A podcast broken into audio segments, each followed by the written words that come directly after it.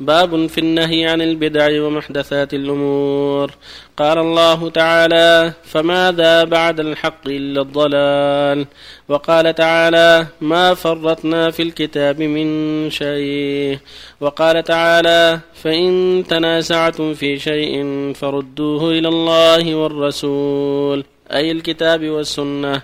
وقال تعالى وأن هذا صراطي مستقيما فاتبعوه ولا تتبعوا السبل فتفرق بكم عن سبيله وقال تعالى قل إن كنتم تحبون الله فاتبعوني يحببكم الله ويغفر لكم ذنوبكم والآيات في الباب كثيرة معلومة وأما الأحاديث فكثيرة جدا وهي مشهورة فنقتصر على طرف منها عن عائشة رضي الله عنها قالت قال رسول الله صلى الله عليه وسلم من أحدث في أمرنا هذا ما ليس منه فهو رد.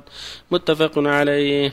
وفي رواية لمسلم من عمل عملا ليس عليه أمرنا فهو رد. وعن جابر رضي الله عنه قال كان رسول الله صلى الله عليه وسلم إذا خطب احمرت عيناه وعلى صوته واشتد غضبه حتى كأنه منذر جيش يقول صبحكم ومساكم ويقول بعثت أنا والساعة كهاتين. ويقرن بين أصبعيه السبابه والوسطى ويقول أما بعد فإن خير الحديث كتاب الله وخير الهدي هدي محمد صلى الله عليه وسلم وشر الأمور محدثاتها وكل بدعة ضلالة. ثم يقول أنا أولى بكل مؤمن من نفسه من ترك مالا فلأهله ومن ترك دينا وضياعا فإلي وعليه رواه مسلم. وعن العرباض بن سارية رضي الله عنه حديثه السابق في الباب المحافظة على السنة. وبالله التوفيق. بسم الله الرحمن الرحيم. الحمد لله.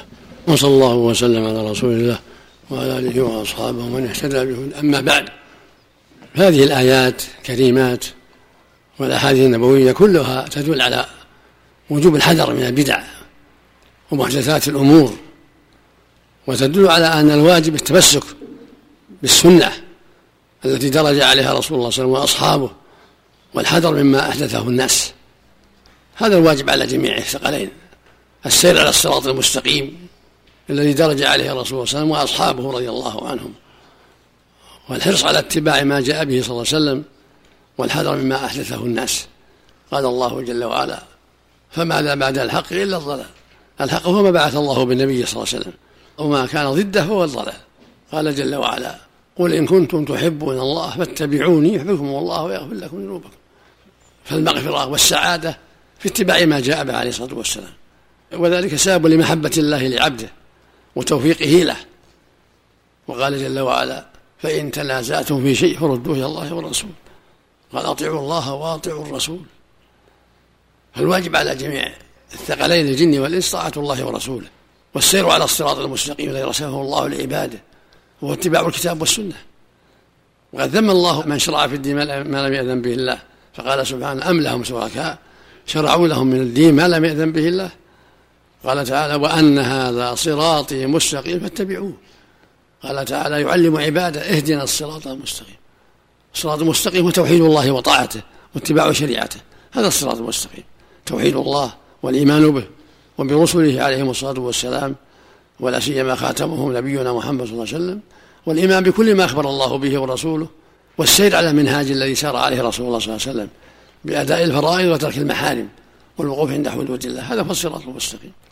وفي الحديث عن عائشة رضي الله عنها يقول النبي صلى الله عليه وسلم من أحدث في أمرنا يعني في ديننا هذا ما ليس منه فهو رد وفي اللفظ الآخر من عمل عملا ليس عليه أمرنا فهو رد المعنى من أحدث في الدين شيئا صلاة أو صياما أو غير ذلك لم يشرعه الله فهو مردود. يجب على الناس اتباع ما شرعه الله. وأما الحوادث فيجب ردها. ولهذا قال صلى الله عليه وسلم من عمل عملا ليس عليه أمره فهو رد. وفي حديث جابر يقول إن خير الحديث كتاب الله. يقول صلى الله عليه وسلم إن خير الحديث كتاب الله. خير الهدي هدي محمد صلى الله عليه وسلم. وشر الأمور محدثاتها وكل بدعة ضلالة. ومن ذلك ما أحدثه الناس من على القبور اتخاذ المساجد عليها هذه من وسائل الشرك والعياذ بالله. اتخاذ القباب على القبور كل هذا من وسائل الشرك. اتخاذ المساجد عليها أو وضعهم في المساجد وجعل القبور في المساجد كل هذا من وسائل الشرك ومن البدع المحدثة. من هذا الاحتفال بالأعياد عيد مولد النبي صلى الله عليه وسلم أو مولد الحسن أو الحسين أو مولد فلان أو فلان. كل هذه من البدع التي حدثها الناس. أو تخصيص ليلة به قيام غير ليلة القدر. كليلة الجمعة هذا من البدع. ولهذا يقول صلى الله عليه وسلم في حديث جابر كل محدثة بدعة كل بدعة ضلالة. ويقول في حديث ابن ساري رضي الله عنه يقول عليكم بسنتي يقول صلى الله عليه وسلم عليكم بسنتي وسنة الخلفاء الراشدين هدي بعدي يعني الصديق وعمر وعثمان وعلي. تمسكوا بها وعضوا عليها بالنواجذ. وإياكم ومحدثات الأمور وإن كل محدثة بدعة وكل بدعة ضلالة. فالواجب على الأمة الحذر مما أحدثه الناس. والتمسك بالقرآن والسنة والسير على منهاج النبي صلى الله عليه وسلم في القول والعمل وعلى ما درج عليه أصحابه رضي الله عنهم. هذا هو الواجب على الجميع. كما قال الله سبحانه اتبعوا ما أنزل من ربكم ولا تتبعوا من دون أولياء. قليلا ما تذكرون. قال جل وعلا قل هذه سبيلي أدعو إلى الله على بصيرة.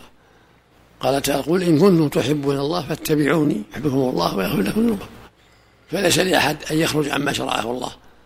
فالخروج عن ذلك إلى ما حرمه الله هذه المعاصي والخروج من شرع الله إلى البدع هذه البدع والحوادث. فالواجب لزوم الشرع بأداء الفرائض وترك المحارم. هذا هو الواجب لزوم شرع الله الذي جاء به القرآن الكريم والسنة المطهرة وعدم الخروج عن ذلك. لا بقول ولا بفعل.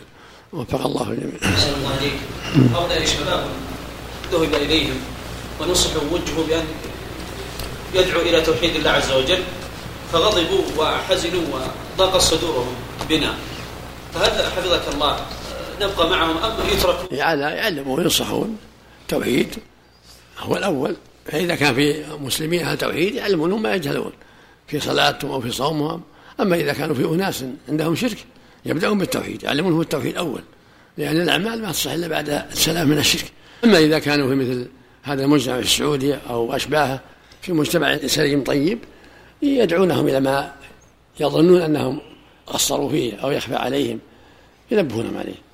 إذا كانوا أهل توحيد ينبهونهم على الأشياء التي تخفى عليهم في صلاتهم في صومهم في زكاتهم في حجهم في معاملاتهم. أما إذا كانوا في قوم كفار هذا يبدأون بدعوة التوحيد ويحذرهم من الشرك. بتنفيذ الله إليك وتنفيذ غيرك. يقولون أنت تنفرنا وتنفر غيرنا. الدعوة إلى التوحيد مهم تنفيذ إذا كان في مجتمع فيه الشرك هذا هكذا دعا الأنبياء بدأوا بالدعوة إلى التوحيد. الرسول بدأ بالدعوة إلى التوحيد. عشر سنين كلها دعوة إلى التوحيد قبل أن تورد الصلاة. عشر. صلى الله عليك المتصوفة هل يدخلون في جملة الكفار؟ لا الصوفية أقسام. هنا صوفية عندهم بعض البدع ولهم مشركين وعندهم صوفية يعبدون غير الله يعبدون أصحاب القبور. هم أقسام أنواع. نعم. الذين يعبدون اصحاب الذين يعبدون أصحاب هذا كفار. هذا جملة الكفار. يعبد البدوي والحسين نعم. والحسن نعم. وابن علوان نعم. وأشباههم. هذول هم الكفار. من جملة الكفار. أما أو يعبدون النبي صلى الله عليه وسلم أو يعبدون غيرهم من الأموات. نعم. نعم. أو يعبدون الجن يستغيثون بالجن ينذرون للجن. نعم. هذا من الشرك الاكبر أو لا يبدو بالتوحيد. هذا يبدأون بالتوحيد يعلمون التوحيد. سائل ما رأي سماحتكم من استخدام خادمة مسلمة من بلد الإسلام بدون محرم لحاجة ضرورية؟ الواجب على جميع النساء لا يسافروا إلى محرم سواء خادمة ولا زيدة ولا عبد كل امرأة لابد منها من محرم لها. النبي صلى الله عليه وسلم يقول لا تسافر امرأة إلا مع ذي محرم.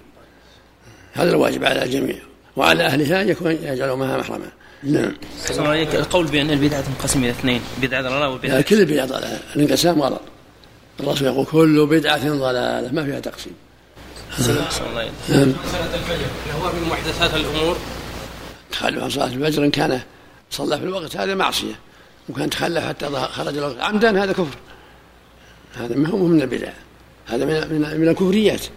التخلف عن الجماعة معصية والتخلف عن الوقت كفر نسأل الله العافية.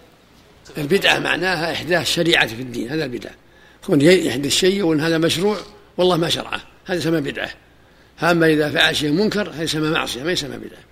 نعم. من وقع في تأويل الصفات هل هي من الأمور الاجتهادية؟ لا لا ما هو هذا هذا باطل. هذا من الضلال. هذا من دين الجهمية والمعتزلة. كفر أكبر نسأل الله. ولو كان غناء نفي الصفات كفر أكبر. لو كان لأن تكذيب لله نسأل الله. هذا تكذيب للرسول صلى الله عليه وسلم. فالذي يقول إن الله ليس ليس له رحمة وليس يوصف بالعزة ولا بالعفو ولا بالمغفرة ولا بر هذا كفر أكبر. يؤولها مثلا. إيه، كلها كفر أكبر.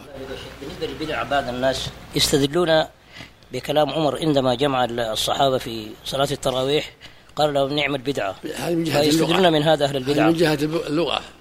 إذا من حيث اللغة ولا سنة فعلها النبي صلى الله عليه وسلم وشرعها ودعا إليها. لكن من حيث اللغة أن الرسول مات ما جمعهم على إمام واحد فأحدث عمر هذا جمعهم. سماها بدعة من حيث اللغة. نعم. اللغة العربية. لا من حيث الشرع من يست- من يستدل بهذا؟ لا لا استدلال باطل. حجته باطلة. ثم لو قال ثم لو سلمنا ان عمر قال ذلك عمر مو معصوم. الله يحفظك. عمر واحد من الصحابة. جزاك الله. حجه في قول الله ورسوله. لكن يحمل كلام عمر على الشيء الحسن يحمل يحمل عمر على كلام الحسن حتى لا يساء به الظن. جزاكم الله الله يثيبك من يسمي عمر بن عبد العزيز خامس الخلفاء الراشدين سبقها معاوية. يسميه بعضهم يسميه بعضهم إن شاء الله هو خليفة الراشد. لكن الخلفاء الراشدين هم الأربعة. لكن هو خليفة الراشد. كل إمام عدل يسمى خليفة الراشد. الشيخ كل إمام صالح يسمى خليفة الراشد. العلماء يقولون متفقون على أن معاوية أحسن منه يا شيخ. هو الصحابي أفضل. أيوة. ومعاويه أفضل. منه فكيف من يقبل الشيخ؟ الصحابة رضي الله عنهم. لكن تجرد الدعوة إلى السنة. ومحاربه من خالفها وحدث هذا واجتهد في هذا اجتهد- سمى بعض